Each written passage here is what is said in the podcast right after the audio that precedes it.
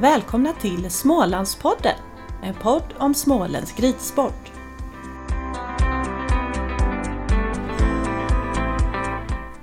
Anders och Kristina Kjellson har drivit Hästack AB i Älmeboda utanför Tingsryd i över 25 år. Genom åren har man rönt stora framgångar som hingsthållare med kända halvblodshingstar som bland annat Cortus, Dirko, Lillkotte, Monopol, Triton, Casanova och Canando. Och senast i år vann man bruksprovet med Cesar Hästack. Man har även bidragit till den svenska ponnyaveln, bland annat genom hingsten Top Nordpol som lämnat många fina tävlingsponnyer. Sedan 1995 bedriver man seminstation på gården och tar emot flera hundra ston varje år.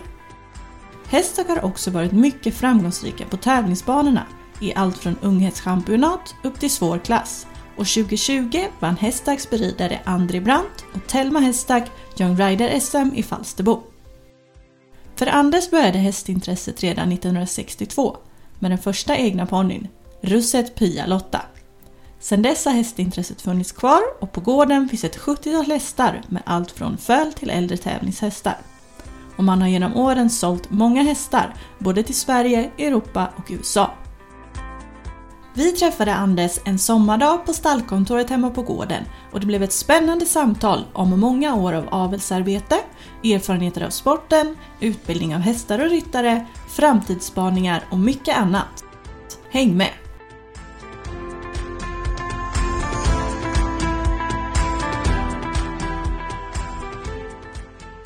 Välkommen till Hästack eh, får man nog eh, höra väldigt ofta när man träffar Anders Kjellson. Är man välkommen till Hästack? Ja, verkligen. Vi tar emot mycket kunder här. Framförallt nu denna tiden så är det ju seminverksamheten som är det stora nu från 15 april till 15 augusti. Så hittills i år har vi tagit emot en 100 främmande ston. Vi sitter i, i eh, stallkontoret och vi ser eh, hingsten som ska göra stordåd på Falsterbo. Vi ser eh, flera fina hästar i ridhuset. Men vi ser också en väldig massa diplom och checkar och prisrosetter och fina kort på, på hästar som har passerat gården. Blir du nostalgisk ibland Anders? Ja, det är såklart att det finns ju vissa hästar som fastnar betydligt mera på näthinnan än andra. Och helst då som en del hingstar som man har haft under lång tid. Både då i avlen och på tävling. Till exempel Kotus då som var vår första hingst. Som vi hade från han var tre år till han blev väl 25 någonting när vi tog bort honom. Och han var ju inte mer än inriden och sen så har han ju tävlat med flera placeringar upp till 1,60. Men du innan, innan Cortus och innan hingstarna så började ju ditt hästintresse någonstans Anders. Jag har läst någonstans att det fanns en ponny Ja. långt tillbaka. Ja, vi, jag fick en ponny 1962 och då fick man ju russföl. Alla var ju okunniga på den tiden och mina föräldrar har ju inte sysslat med hästar heller. Och eh, så man skulle ju självklart haft en utbildad ponny, men det fanns ju knappt. Så jag kommer ihåg när vi skulle köpa på ponny så annonserade vi i tidningen ATL och köpa ett ruste och vi fick två svar. Och denna vi köpte var den enda som hade full stam och det hade vi ju förstått att ska det vara ett sto så måste det vara full stam. Och jag köpte den av eh, Karl-Åke Hultberg, alltså Åke Hultbergs pappa. Jaha. Ja, Han bodde i Borås på den tiden. ja. Men du, hur, har du alltid tyckt om hästar? Ja, jag vet inte riktigt var det kom ifrån för det var ju inga andra som hade det. Nej. Men jag ville ha en ponny och greja och Ja. Min mamma tror kanske att mitt hästintresse kommit från min morfar. Ja. Han hade ju arbetshästar och körde med som alla bönder. Men han hade alltid någon till. För han tyckte det var kul att köpa in en unghäst och tämja den. Och, och lite mer. Alla bönder var ju inte intresserade av hästar fast de var tvungna att ha dem. Men han var väldigt mån om dem. Mamma berättade då på vintern gick de ju i skogen då. Och då på söndagarna arbetade de inte men de fick ju väldigt mycket kraftfoder. Så tog han ut och körde dem bara så kallade löstöm. För det skulle ut och röra sig för det hade ju inte rasthagar så på Nej. den tiden. Nej. För han var rädd och mån om dem och så. Ja. Så kanske det kommer därifrån. Ja. Men Tingsryd är också känd för hockeylag och mycket idrott. Har det aldrig intresserat dig liksom andra? Utan det har varit hästarna som har... Ja, då, Varit med dig hela Alltså jag tiden. går och tittar på hockey i Tingsryd på vintern. Ja, du gör det? Jag tycker det passar in rätt så bra. Men då har jag lite mera tid och... Ja. Ja. Så då, då är jag ofta och tittar. Men du, Hästak har ju, har ju varit med länge och det har ju blivit det är ju en familjeangelägenhet. Både du och Kristina är ju hårt involverade i det. Ja. Och, och barnen också på många sätt. Ja, fast tyvärr är ju ingen av barnen intresserad att ta över det. Det bekymrar mig ju lite. Jag har aldrig tvingat dem och inte kommer till att göra. Nej. Min dotter har ju varit väldigt intresserad och är fortfarande. Hon kan nog alla 70 hästarna vi har här.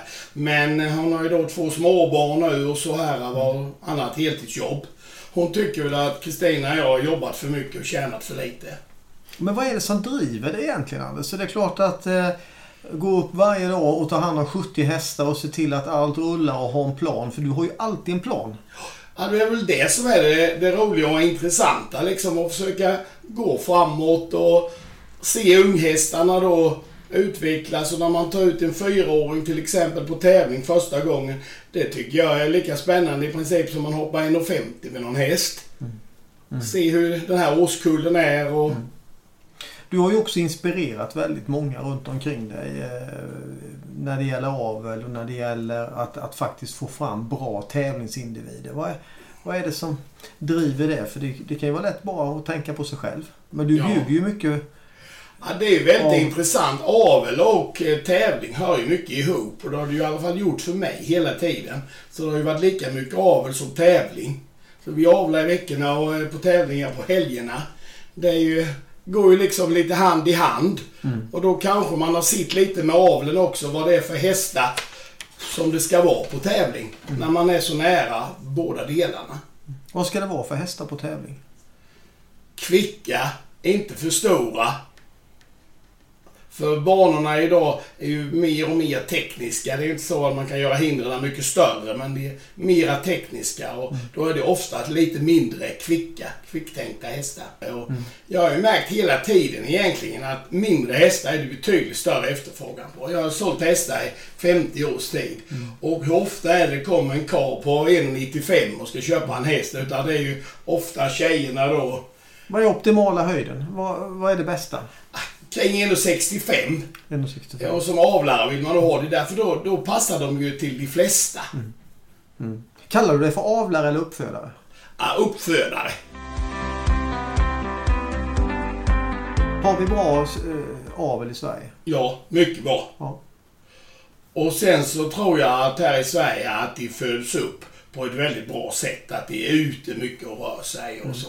Jämfört mot vissa länder i Europa. De har ju inte de möjligheterna i Holland och, och Belgien och så att kunna ha det ute på bete. För där är marken väldigt, väldigt värdefull. Så då odlar man vete eller någonting annat. Man ser ju dig ofta på tävlingsbanan och ofta på framhoppningen där, där du står och, och, eh, och pratar och är social. För du är ju lite av ett socialt fenomen får man ju säga. Du är ju ohyggligt eh, öppenhjärtig och, och eh, berättar ofta spännande saker. Men vad är det egentligen du tittar efter? För det är ju någonting annat har jag ju förstått. När du står där på framhoppningen. Ja, det, det är ju väldigt intressant. Det stämmer. Jag är mycket framhoppning då va. Och jag är ju alltid med när våra hästar hoppar fram. Men jag kallar mig aldrig heller som tränare. Fast jag är alltid med. Får du lägga dig i eller låter du proffsen sköta det? Eller vill du vara med och Nej, vi, vi, det där är ju något som man gör gemensamt då va. Vi tränar ju hemma. Och sen hoppar vi bara fram. Så det är inte så mycket. Jag säger inte så mycket åt hon. Jag kanske bara pekar hon ska komma på det hindret nu när jag har höjt eller något så. Så ska det ju vara. Det är ju inte träning. Är du med hemma på trä Ja, tränar när vi hoppar är det. Ja. Vad tittar du på? Att titta lite på tempot är ju väldigt viktigt. Ja. Ja, Det är ju liksom halva hindret om du kommer i rätt tempo och kanske i rätt väg. Har du den grunden så är det ju mer än halva hindret avklarat. ja. Jag kanske inte går in på detaljer och säger att du måste räta upp det lite till eller lite så. Men just det här grunden. Och jag tror att det är väldigt viktigt att, att man liksom ser just tempot där. Va? Så att eh, jag brukar kunna se på tävling ibland när det gått halva vägen så brukar jag sitta och säga att den här får tidsfel. Och det brukar stämma rätt bra. ja. För man liksom... Hur mycket hoppar ni på gården? Vi hoppar ju självklart här. Vi har ju många hästar och så här va. Så vi hoppar väl i, en gång i veckan. Ibland är det ju då mer gymnastikhoppning eller så va. Markarbete? eh, Ja, det är det ju resten och sen rids det ju ut också och så. Vi försöker göra ett rätt växlande arbete. Och växlande underlag tror jag är jätte, jätteviktigt. Jag Här- har ju fiber här inne och det är väl jättebra. Men jag har inte lagt in fiber här ute, här är grus. Och det är väl inte bara snålhet utan det är nog att jag tror att vi ska gå på olika. Är du en kostnadsmedveten eh, uppfödare? Ja, det måste man ju vara för vi lever ju för det här. Vi har ju inga andra inkomster. Vi måste ju generera. Så det gäller det ju att hålla i kostnaden. Men man får ju inte då för den delen vara dumsnål. Nej. Så till exempel förut om jag inte hade ryttare och jag lämnade iväg till någon ryttare så lämnade jag ju det till duktiga ryttare och betalade det istället för att lämna dem till en som tar halva priset och inte gör det så bra. För det funkar inte. Nej. Ja, precis. Och du har rätt häst. Men när du lämnar en häst till någon så duktig proffs så vill jag ju besked på, är det här någonting att hålla på med? Eller ska vi bara rida den lite och sälja den snabbt? Va? Men hur, hur snabbt får du eh, grepp om individen? Att det här är en, en eh, diamant? det är ju väldigt svårt, men man ser ju lite, så kan man ju aldrig säga hur långt den går eller förrän det gör det. Eller så? Ja. Kan du se det redan på ett föl? Nej. Nej. Är det f- när de kommer upp lite och börjar löshoppa? Och... Ja, och löshoppningen i all ära, det mesta stämmer ju, men det finns ju också hästar som inte löshoppar bra och blir jättebra, så man kan inte ta allt. Men det kan ge en fingervisning på rätt många. Har du haft fel någon gång i din analys? Om en häst? Som du, Ja, det är såklart man har haft fel. Det är såklart man har. Har du blivit överträffad någon gång och känt wow, det här, blev, det här blev bättre än jag någonsin kunde drömma om? Ja, jag har ju den här hästen Telma som nu Telma. Peder Fredriksson rider. Den var ett fenomen från dag ett vi löshoppade den. Det var inte liksom när vi skulle löshoppa när man har en serie och bara låga hinder, så var det inte bara det att hon hoppade liksom, men hon hade liksom rytmen i sig. Hjälphindren, jag står vid hindren där vid långsidan. Ska jag smacka på eller prova? Nej. Jag bara stod, hon hade det liksom i sig. Så jag sa till de andra som var med, har ni tjuvtränat henne? Vad gick du in och sa till din fru då, när du hade sett henne?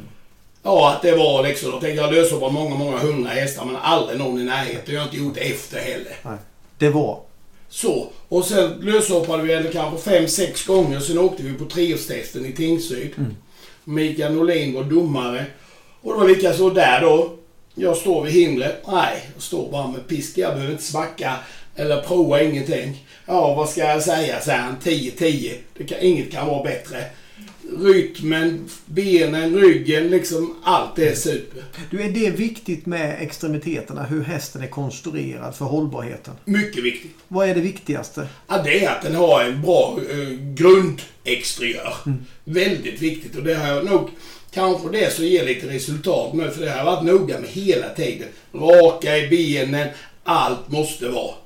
Topp. Annars har jag inte avlat. Jag har fått någon som inte har varit det, någon avkomma ändå var stor. Jag hade en och den löshoppade väldigt bra. Fick diplom men jag sålde den för jag tyckte inte om den exteriört. Nej.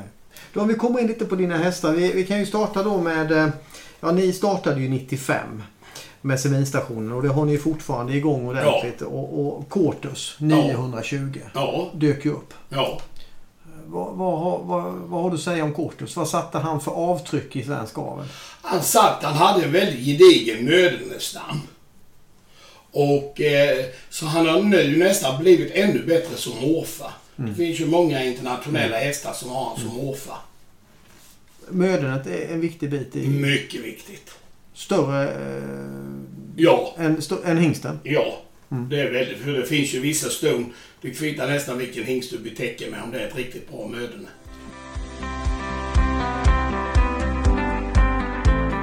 Du, sen har vi ju då eh, lite annat eh, fint i, i, eh, i. Dirko. Ja, Hästack 1005. Mm. Han finns kvar i stallet som pensionär. Ja. Han sig inte i aveln längre för att han hade en väldigt bra dräktighet och så. Sen helt plötsligt när han kom upp lite över 20 år så sjönk den väldigt och då vill jag inte använda honom. Hur gammal är han? Han är väl 25 eller 26. Är han född här på gården? Ja, Sen har du Lillkotte hästack. ja. Monopol häststack. Ja. Kupol häststack. Ja. Triton häststack. Ja. Triton eh, Top Nordpol. Ja. Ja, alltså jag kan göra listan hur lång som ja. helst. Triton hästar debuterade i 1,60 för några veckor sedan. Med fyra fel. Och tagit nu under året några stycken placeringar internationellt i 1,50. Det är ju Alexander Zetterman som rider Mm. honom och han är ju stationerad i Frankrike. Mm. Så den går ju väldigt, väldigt bra. Är, det- är det mycket internationella eh, kunder som knackar på hos dig? Det är många, men en del. Mm. För det tar ju, tar ju samtalet in på det som du eh, gjorde som eh, du är ensam om i Sverige. Du knackade på hos Kina. Ja, Och jag vet ju, du var ju väldigt eh, upprymd i att, att börja exportera till Kina. Hur Ja. gick det? Ja, vi har inte sålt någon häst. Jag var kanske lite sent ute. Sen var det så här att just vid det tillfället så hade jag flera hästar som inte var superhästar men hade varit jättelämpliga för Kina. För de alltså är- snälla, hyggliga, men kanske inte hoppade i stora klasserna. Hade behövts där, för där är nivån betydligt lägre. Och väldigt lättridna, smidiga som de här behövt. För de har inte den kunskapen riktigt och så. Va? Men sen är det så med Kina då var det ju väldigt intressant land och vi lärde oss jättemycket om allt där. Men läste du kinesiska också ett tag? Nej, det hoppade jag över. Det gjorde jag. Vi fick tag i en väldigt, väldigt bra tolk. Ja, det kan Som ju... är A och O liksom när vi var där. Så att... Eh, det var, men man måste åka dit många gånger för att bygga upp ett förtroende. Ja. Det går inte att komma dit och bara säga nu vill jag sälja. Nej, det, det är så. Det är långa relationer. Har långa rela- relation. Och sen är det på sån helt annorlunda nivå. Det är som en ridskola existerar ju inte där du rider i grupp utan du rider ju en och en i privatlektion. Och när man kom till en klubb då, då liknar den en golfklubb. Du kommer in i reception och sen så är det restaurang ena sidan och ridverksamheten den andra sidan. Så vi var ju ofta tvungna att äta lunch där lite och, och så här va. Men hur fick du idén Kina? Eh, Sitter du här och, och, i Tingsryd och funderar på, på spännande affärsidéer? För det är klart, det är ju, det är ju lite, att, det är lite annorlunda om man säger så. Ja, det är helt klart. Marknaden hade ju varit, den är fortfarande säkert hur stor som helst för de som Ja. orkar med det.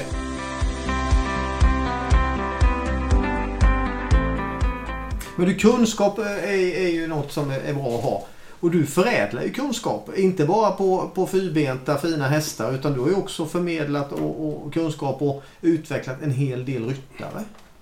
Ja, det blir ju så liksom. Vi tränar ju tillsammans. Har man många hästar då så får du ju mycket rutin. Vi får tävla många klasser. Mm. Och sen så får man ju ge dem förtroende så växer de. Har man förtroendet här?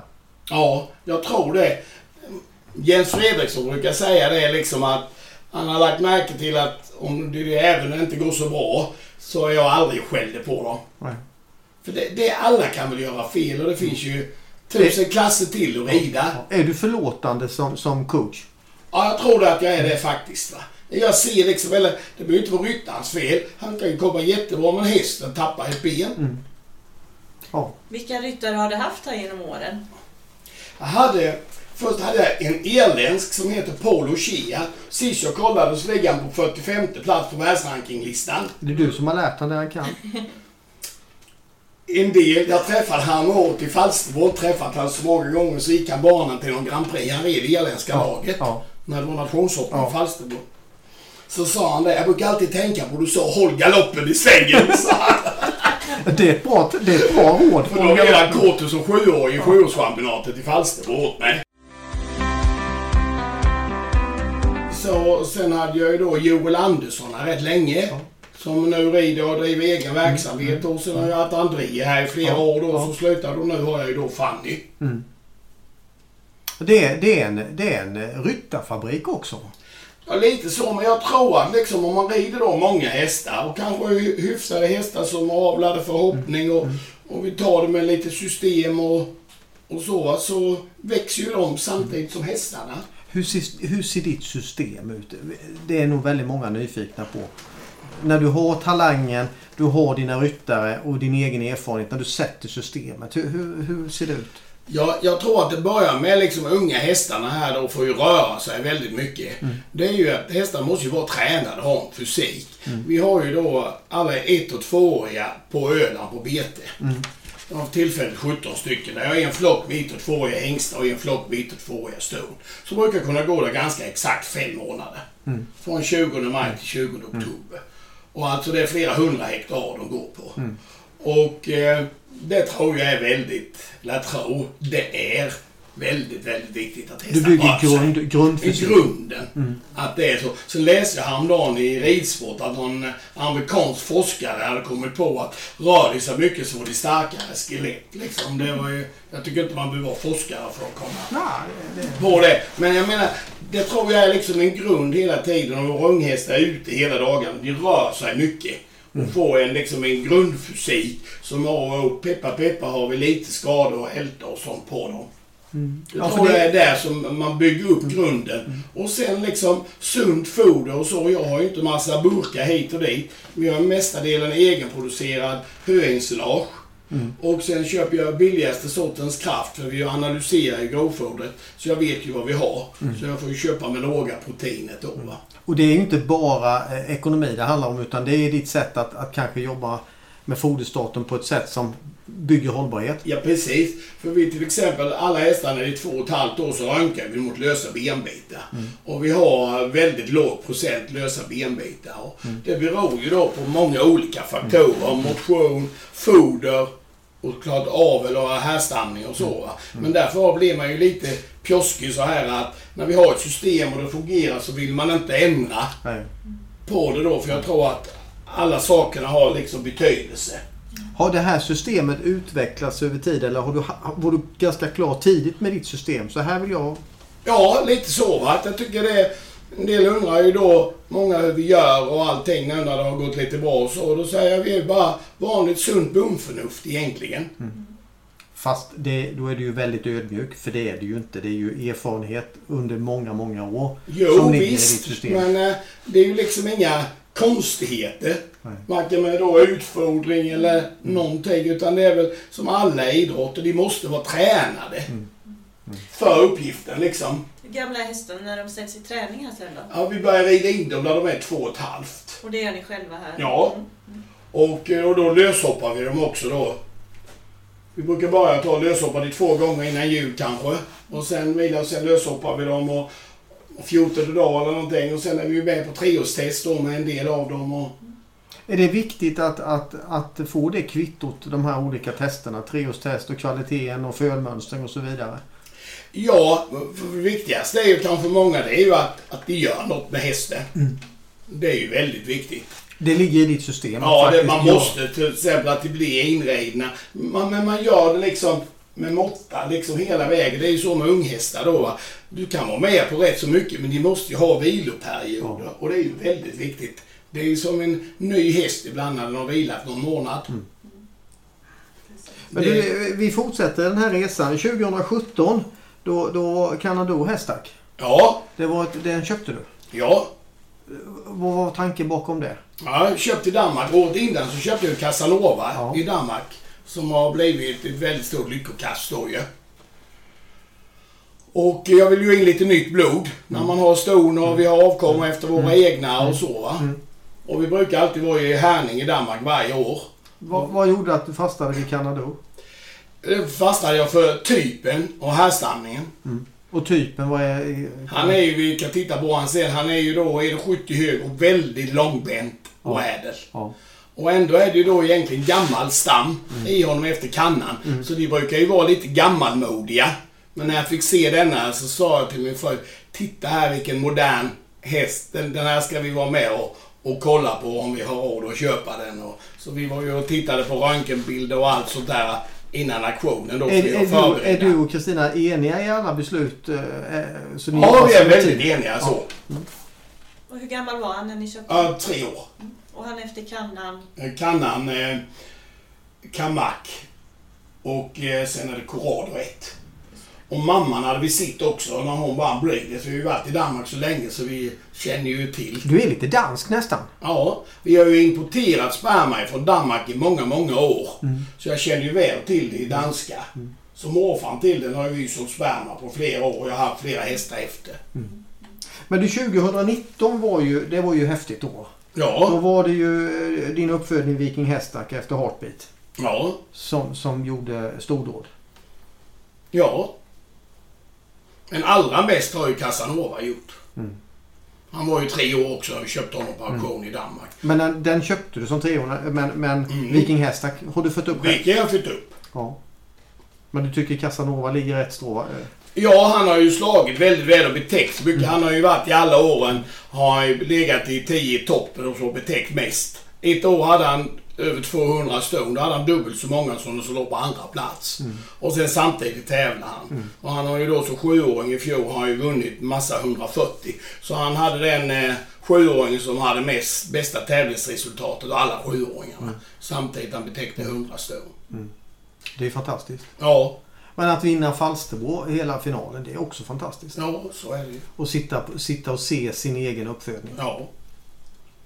Satsar ni mycket mot årgångschampionaten? Ja. Mm. Det är, ju, det är ju det som är kul. Mm. Man vill ju vara med i Falsterbo, Breeders, i Jönköping och Ungesveen har ju varit med om i, många gånger. Det andra är ju liksom kval till de tävlingarna.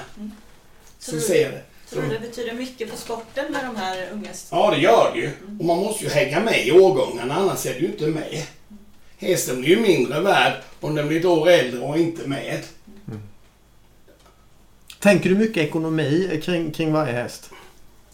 Ja, i och med som jag sa, vi lever av det. Vi, vi, vi tjänar väl inte pengar på alla hästar. Men vi måste ju få det totalt till att att gå runt. Vi har för tillfället har vi fyra heltidsanställda. Mm. Förutom Kristina och mig. Jag tänker det, det är säkert en och annan som lyssnar på, på vår podd som sitter och funderar på att satsa på en egen uppfödning och utveckla den. Hur mycket kommer det kosta och så vidare. Hur, hur, hur tänker man kring att faktiskt få fram en bra individ ifrån A till Ö? Och, och vad kommer det kosta tror du? Det, det kostar ju väldigt mycket. Då måste man ju ha andra hästar som man kanske säljer under tiden så man får in pengar för att fortsätta och utbilda Mm. och tävla den hästen. För det är A och O, utbildning och tävling. Ja, det är det. Det går inte att vila sig ifrån. Nej, nej, nej, nej. Och sen så... Man måste ha en plan. Jag menar, ska man vara med i Falsterbo till exempel, som många då vill, så kan man ju inte bestämma sig här nu. Det får man ju göra innan jul. Att den hästen ska förmodligen gå Falsterbo, så kanske det inte blir så. Eller kanske den har kvalat, men jag tycker inte att den har där att göra. Hur lägger du upp planen då? Du bestämmer innan jul. Ja, Hur ser planen ut då? Ja, då får man ju börja då med tävlingar. Vi kan rida lite penjant då i januari och åka iväg. Mm. Man blir ju inte världsmästare hemma. Nej. Vi kör rätt mycket på träning. Ja, hur många mil lägger du eh, ett normalt år med hästarna i, i bilarna? Jag vet inte, men bilarna går ju mycket här. Ja. Och jag menar, jag åker ju ner till Flyinge ibland innan Breeders så hoppar de penjant där. Och då tycker många där att jag är, är rätt ambitiös. Ja. Så gör det. Och det finns ju naturligtvis ett, ett syfte med att du åker dit. Ja, absolut. Jag menar, det är så. Är du inte förberedd så kan du inte göra bra resultat. Du, jag, jag såg ditt motto. Eh, ni har ju vision och ni har motto. Bra hästar till rätt pris. Ja, Då är jag nyfiken på, vad är rätt pris? Ja, rätt pris är ju just vad den hästen är värd.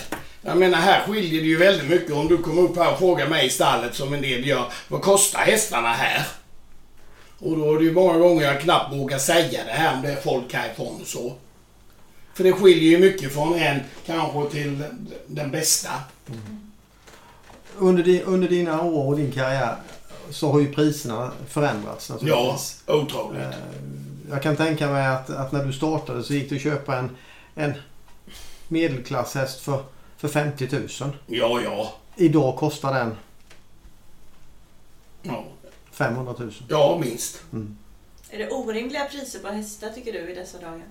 Nej, det tycker jag inte alls. Utan här i Sverige har vi ju haft liksom så här... Äh, så vi är alltid så här, det ska vara ett medel här på allting i Sverige. Det är skilt, skilt för lite på en ganska medioker häst är bra. Men i andra länder, där märker de liksom... Oj, den är... Och den. Jag vet här om året, det har hänt flera gånger att utländska kunder, och då är det en häst det kanske kommer då för. Som vi har sett resultaten och grejer. Och så kan du säga då innan, har du någon till som du tycker är rätt så bra? Och då tar man in den då och visar den. Den är ju bara rätt så bra då för den har ingen som den andra. Då hoppar det i tre språng och säger du kan ställa in den.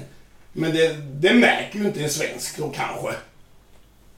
Det är så. Ja, det är så. Va? Utan de, de vet ju vad som är skillnaden. Liksom så, va? Och det är väl det som är lite kul att visa för dem då man har någon riktig häst. Va? Vad är det bästa med att sälja häst? För du är, du är ju, om man får säga, den moderna hästhandlaren. Ja, först och främst är det ju väldigt trevligt. Man kommer ju i kontakt med mycket folk. Och som du sa lite, att det är rätt socialt. tycker det är roligt att prata med dem och trevligt liksom så va.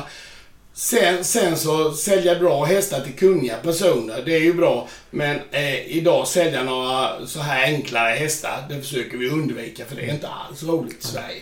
Förr älskade jag att sälja. Jag köpte och sålde 150 hästar om året i många år. Alltså lite billigare hästar. Men det går inte idag för att folk är för okunniga. Jag menar, de kommer efter ett år och lämnar tillbaka för det kanske inte går in i transporten eller eller åker man till någon veterinär, tre veterinärer, så hittar en någon liten förändring för de har tröttnat. Hur gör vi med okunnigheten i Sverige? Jag vet inte, man tycker att det finns så mycket skolor och det finns så mycket idag va, som inte fanns. Men det, det... Jag vet inte. Jag tittar tillbaka på mig själv när jag var liten. Jag hade inga hästkunniga föräldrar. Och man var ute på tävling då i början på något russ. Och man kunde, men då lyssnade jag på de här lite äldre kunniga. Det kanske var en avdankad militär som var ridlärare. Så, och var man då lite tackade för hjälpen och bugade så fick du mera hjälp nästa gång. Men så är det inte idag. Jag menar om jag har hållit på här i 50 år, jag är flera tusen hästar, så kan ju de flesta kan ju, vet ju bäst själva. Och då är det ju ingen idé att hjälpa dem. Skulle du Saknas, fråga mig någon så skulle jag jättegärna hjälpa dem. är det ödmjukheten eh, att, att ta hjälp som saknas? Ja, jag tror det. Ja. Och jag tror att det är för många som du säger, jag läst på nätet att så är det. Och sen tror jag att då tidigare så var det mer förankrade till jordbruket. Om inte deras föräldrar var från landet som kanske farfar eller morfar. Var det. Jag, menar, jag kommer ihåg år där vi sålde 7500 hästar. Man hade ingen reklamation, ingenting. Och det var inte det att de inte kunde lasta. Det var det något problem så sa de väl till farfar eller morfar så hjälpte han dem och sen var det bra.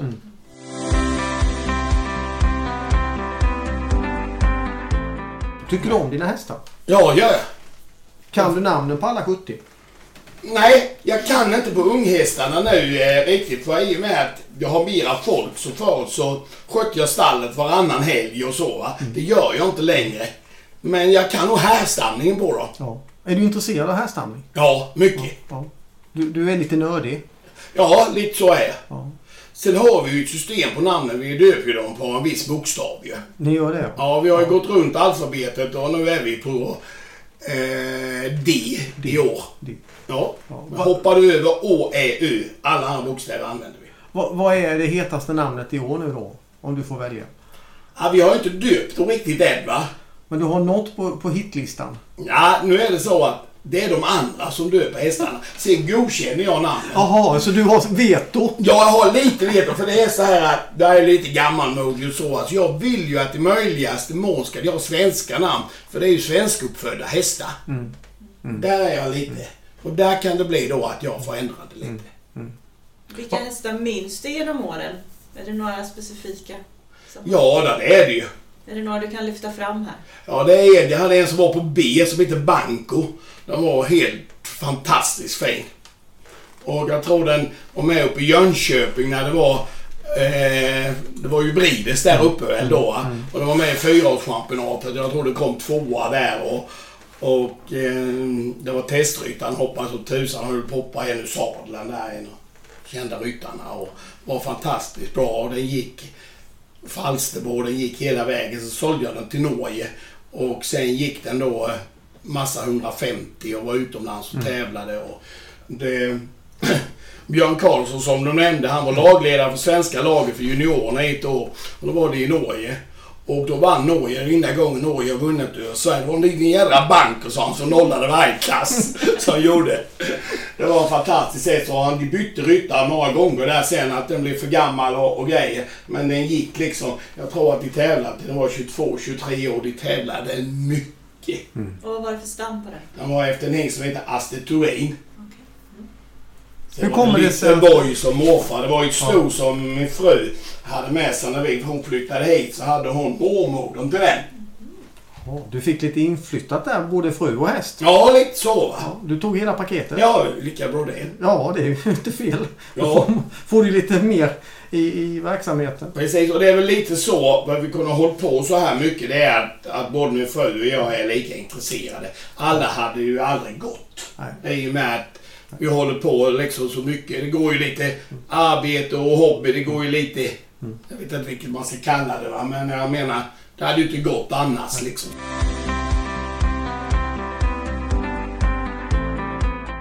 Har vi bra hästar i Sverige? Vi har väldigt bra hästar i Sverige. Därför är det ju utlänningar här ofta. Och de vill ju då gärna nu köpa dem av uppfödarna direkt. De vill inte att det ska gå till kring. Till exempel jag sålde några hästar till Ludo Filippera som bor mitt i smeten i Belgien. Och då sa han det, ja, jag har en granne, han har 50 hopphästar till salu. Man har ju köpt in dem förra veckan. Han vet ju ingenting heller om dem och så va. Och de har bytt ägare utan vet han att vi säljer som uppfödare. Om jag säljer en till honom som jag då har gjort några. Att jag säljer ju inte den för det är dåligt. Jag har ju fått upp den för att sälja den. Hur många nationaliteter eh, har du här? Ja, vi har ju sålt hästar till väldigt många olika länder under årens lopp. Mest stolt över? Jag har ju sålt det till USA. Problemet är ju det att de byter ju ofta namn på dem. Så det blir lite svårare att följa för det är lite lättare nu med Facebook. Är du en Facebook-användare? Nej, inte alls. Instagram? Nej, inte jag. Men de i stallet sköter Instagram och min fru sköter Facebook. Och jag tjuvläser på hennes Facebook. Vi har ju Du- samma mejladress. Okej, så du läser vaxen? Nej, jag har det på min Du telefon. har hennes. Facebook på din telefon? Ja, så har jag. Det är ju bra. Men du, du, är också väldigt, du gör det väldigt bra på film på YouTube, har jag sett. Jaså? jag tittar ju aldrig själv. eh, Väldigt trevligt. Jag såg en film om hur, hur glad och eh, entusiastisk du var för dina solceller. Ja, ja, ja. Jo, det var jag gjorde någon inspelning då. För en äkta smålänning, då är ju kronor och ören viktiga. Ja, Är du en äkta smålänning? ja det är jag. Det är jag. Anders Kjellson, tack så mycket. Tack själva för att ni kom. Tack.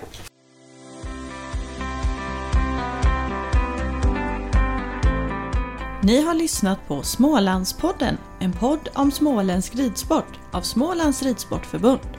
Av och med Anna Zetterlund och Stefan Fu. Podden presenteras i samarbete med Agria djurförsäkringar. På återhörande!